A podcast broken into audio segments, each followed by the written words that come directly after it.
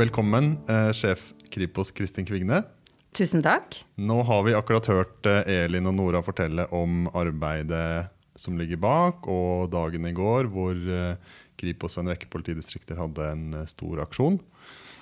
Hva slags, hva slags følelse fyller deg som Kripos-sjef etter en sånn dag? Jeg blir jo veldig veldig stolt over det arbeidet som eh, alle medarbeiderne her på Kripos eh, gjør i en sånn sak som dette. Eh, Det viser jo, syns jeg, en kompetanse og en kapasitet i norsk politi som er helt nødvendig for at vi skal kunne bekjempe denne type kriminalitet. Det er morsomt at vi har dette på Kripos, og at vi klarer å bruke det i samarbeid med politidistriktene på en så god måte som det vi har gjort her. Og uten å gå inn på liksom alle som har bidratt, så er det ganske mange fagmiljøer, eksperter på Kripos, som bidrar inn i et sånt arbeid. Ja, det er det definitivt. Og jeg tenker det, det er en sånn slags gjennomgangstone for de sakene vi har. At vi har behov for mange forskjellige eh, faggrupper. Mye forskjellig ekspertkompetanse. Og det er jo en av grunnene til at Kripos er Kripos. Det er fordi ja, vi skal kunne dyrke frem denne type kompetanse, og vi kun, skal kunne tilby den til hele Politi-Norge. Og så Hvis vi går tilbake til eh, 2001, hvor eh, det vel var franskmennene, belgierne og nederlenderne, eh, våre kolleger der, som, som tok ned denne serveren da, som Nora og Elin har snakka om, Sky SSE. Og så får Kripos tilgang til det materialet. Um, hva, hva er grunnen til at det er Kripos som, som får det? Ja, nå er det Kripos som er det internasjonale kontaktpunktet for norsk politi. Så det er vi som har eh, hva skal man si, etablert kanaler mot eh, polititjenester i andre land, og gjennom også de multinasjonale organisasjonene, sånn som Interpol og Europol. Eh, og så er vi jo i en litt spesiell situasjon fordi vi ikke er medlem av EU. Så vi har en, en eh, egen avtale inn i Europol. Men det betyr også at eh, det er litt mer krevende for oss å komme med i denne type europeiske samarbeid. Grunnen til, tror jeg, at vi får den tilgangen vi får, er at vi gjennom tid har vist oss å være en stabil eh, og god partner for disse landene, som gjør at også de får, tjener på å invitere oss inn.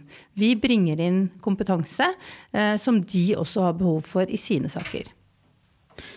Mm, når du eh, har sett det som ligger i materialet, og eh, altså, det, det er jo meldinger, det er bilder. Eh, Nora forklart at alt de har sett der, kan knyttes til kriminalitet. Hva er ditt inntrykk etter å, etter å ha sett det? Jeg tror ikke det er eh, overraskende at eh, kriminelle kommuniserer.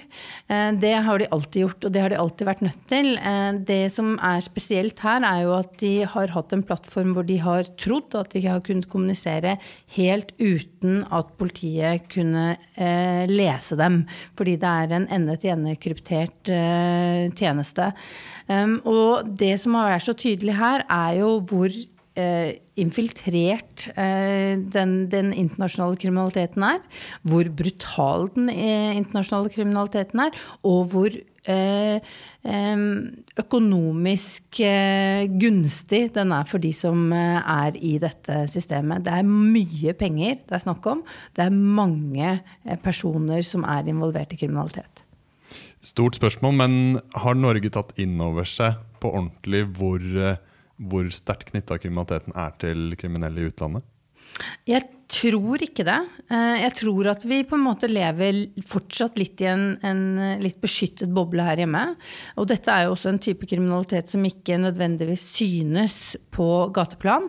Og, og så er jo det en sannhet med modifikasjoner. Fordi de eh, konfliktene vi ser i gjengmiljøene på gateplan i Oslo og andre steder, de er jo ofte knyttet til kamp om mm, territorium og narkotikasalg.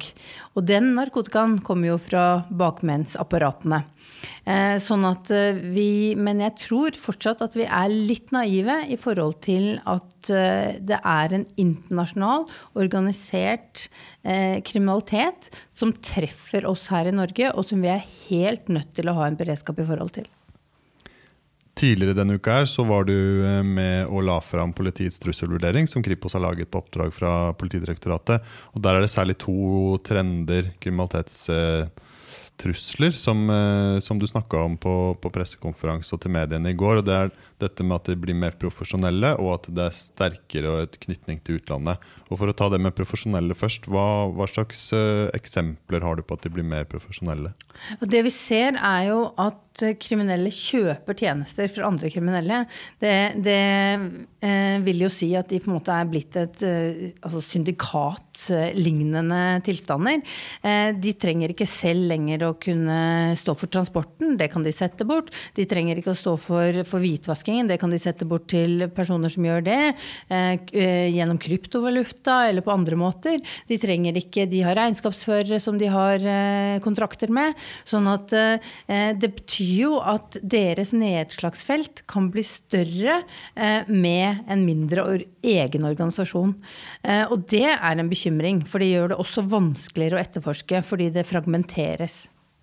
Eh, også dette også kriminalitetstrussel nummer to, som du snakka om eh, tidligere i uka, det er dette med at eh, norske kriminelle nettverk har veldig sterke knytninger til utenlandske kriminelle nettverk. Og at det er eksempler på at det sitter personer f.eks. i Marokko og styrer ganske i detalj hvordan narkotikamarkedet i Norge reguleres. på en måte i innenfor kriminaliteten. Da. Så Kan du si litt mer om det? Ja, Vi ser gjennom uh, våre etterforskninger at det sitter personer i Marokko, uh, andre steder utenfor Europa, og holder i trådene når det gjelder å forsyne det norske markedet med narkotika. De jo, en del av disse er jo også etterlyst i norske etterforskninger. Um, noe av problemstillingen knyttet til det er jo eh, politisamarbeid utenfor Europa, og at det ikke er like enkelt som det er å samarbeide innenfor Europa. Det gjelder eh, på flere områder, inkludert eh, utleveringer. Eh, og så Hvis vi skal spå litt sånn fram i kula Nå har vi jo gjort det i den eh, trusselvurderinga hvor vi har sett liksom ett år fram. Men hvis vi ser fem og ti år fram, hva er, de, hva er det som bekymrer deg mest med tanke på de organiserte kriminelle nettverkene, og hva slags posisjon de eventuelt kan ta i Norge? da? Jeg tenker at uh, Hvis vi ikke klarer å få kontroll over dette, så kan dette eskalere uh, fremover. Og jeg syns det er interessant å se på land som Nederland og Belgia. Uh, hvordan narkotikakriminaliteten har satt seg, og den organiserte kriminaliteten har satt seg i forhold til strukturer. Um, den belgiske justisministeren har jo måttet leve på skjult adresse fordi han har vært truet av et eh, nett, ja, eh, organisert eh, kriminelt nettverk. Han snakker om eh, narkoterror som en større trussel fremover enn islamistisk og, eh, og høyreekstrem terror.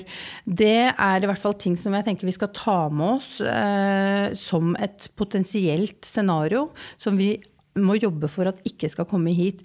Vi skal ikke komme i en situasjon at uh, kriminaliteten truer rettsstaten, truer velferdsstaten og i bunn og grunn truer vårt demokrati.